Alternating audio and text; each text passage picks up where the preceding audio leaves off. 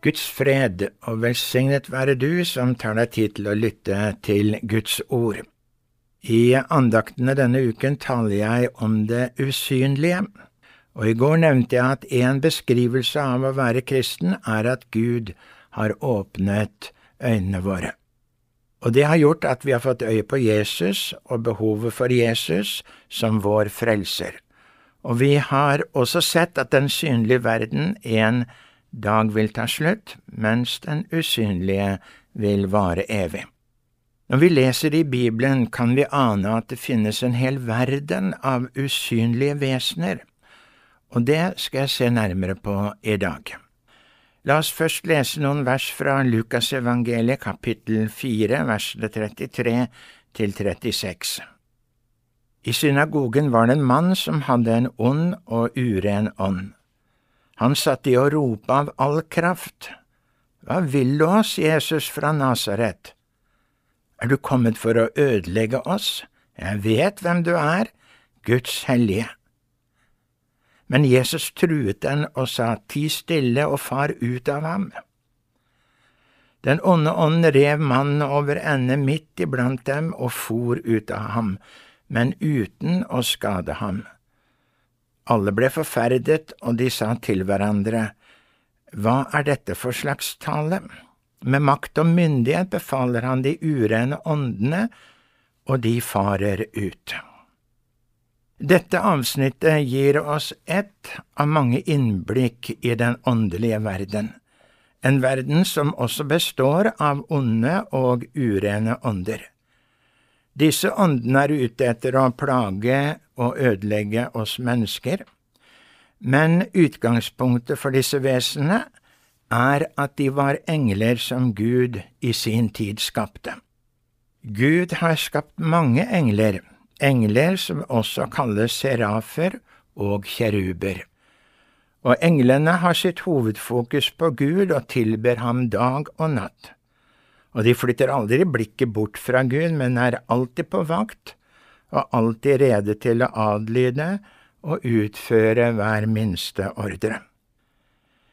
Bare to engler er nevnt med navn i Bibelen. Det er Mikael, erkeengelen eller sjefsengelen, og Gabriel, han som kom til Maria med bud om at hun skulle føde Jesus. Om Gabriel står det i Lukas 1, 19. Jeg er Gabriel som står for Guds åsyn. Og slik skapte Gud englene, til å stå for hans åsyn og tjene ham. Men noen av dem gjorde opprør mot Gud. De var ikke fornøyde med å være engler som skulle tilbe. De ville være som Gud og selv bli tilbedt. Det førte til deres fall og disse englene med Satan eller djevelen i spissen ble støtt bort fra Gud. Dette betyr at ikke alt som kalles engler, er engler. Det finnes gode engler, de som er i tjeneste for Gud, og som skal hjelpe oss å få del i frelsen, som hebreerne 1,14 sier. Men det finnes også falne engler engler som ikke tjener Gud, men som vil oss ondt, eller som vil føre oss bort fra Gud, selv om de kan gi inntrykk av å ville hjelpe oss. De falne englene betegnes også som onde eller urene ånder. Dette betyr at når vi taler om engler, og kanskje ønsker å befatte oss med engler som noen gjør i våre dager, så må vi vite hvilke engler det er snakk om for en engel er som sagt ikke alltid en engel. Husk at Satan selv kan skape seg om til en lysets engel, og djevelen kom til Jesus med tilsynelatende gode hensikter den gang mesteren ble fristet i ørkenen.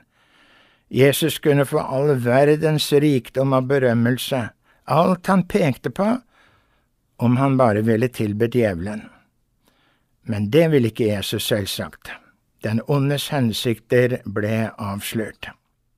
Det er viktig å forstå at da Maria for eksempel fikk englebesøk, var det ikke for å kunne realisere seg selv eller få hjelp til å bli et bedre menneske, for å kunne leve et mer harmonisk og lykkelig liv. Nei, det var for å være med å realisere Guds frelsesplan. Og Bibelen oppfordrer oss heller aldri til å be englene om hjelp, for vi har jo en Far i himmelen vi kan be til i Jesu navn. Dessuten er det Gud som ber englene trå til når det trengs. Engler som har et annet fokus enn det å peke på Gud og hjelpe oss mennesker til å nå fram til den endelige frelsen, er det all grunn til å være skeptisk overfor. Men at alle typer engler, både de gode og de falne, er skapte vesener, det er det stor trøst i, og det skal jeg si litt om i morgen. La oss be. Takk, himmelske Far, for alt du har skapt. Takk for englene, de som er i operasjon for å hjelpe oss til å få del i frelsen. Men hjelp oss å skjelne mellom de gode og de falne englene. Amen. Ta så imot Herrens velsignelse. Herren velsigne deg og bevare deg. Herren la sitt ansikt lyse over deg og være deg nådig. Herren løfter sitt åsyn på deg og fyller deg med sin fred. Amen. Du har lytta til Over en åpen bibel, og andakten var ved Tom G. Johnsen. Serien produseres av Norea, og les gjerne mer om oss på norea.no.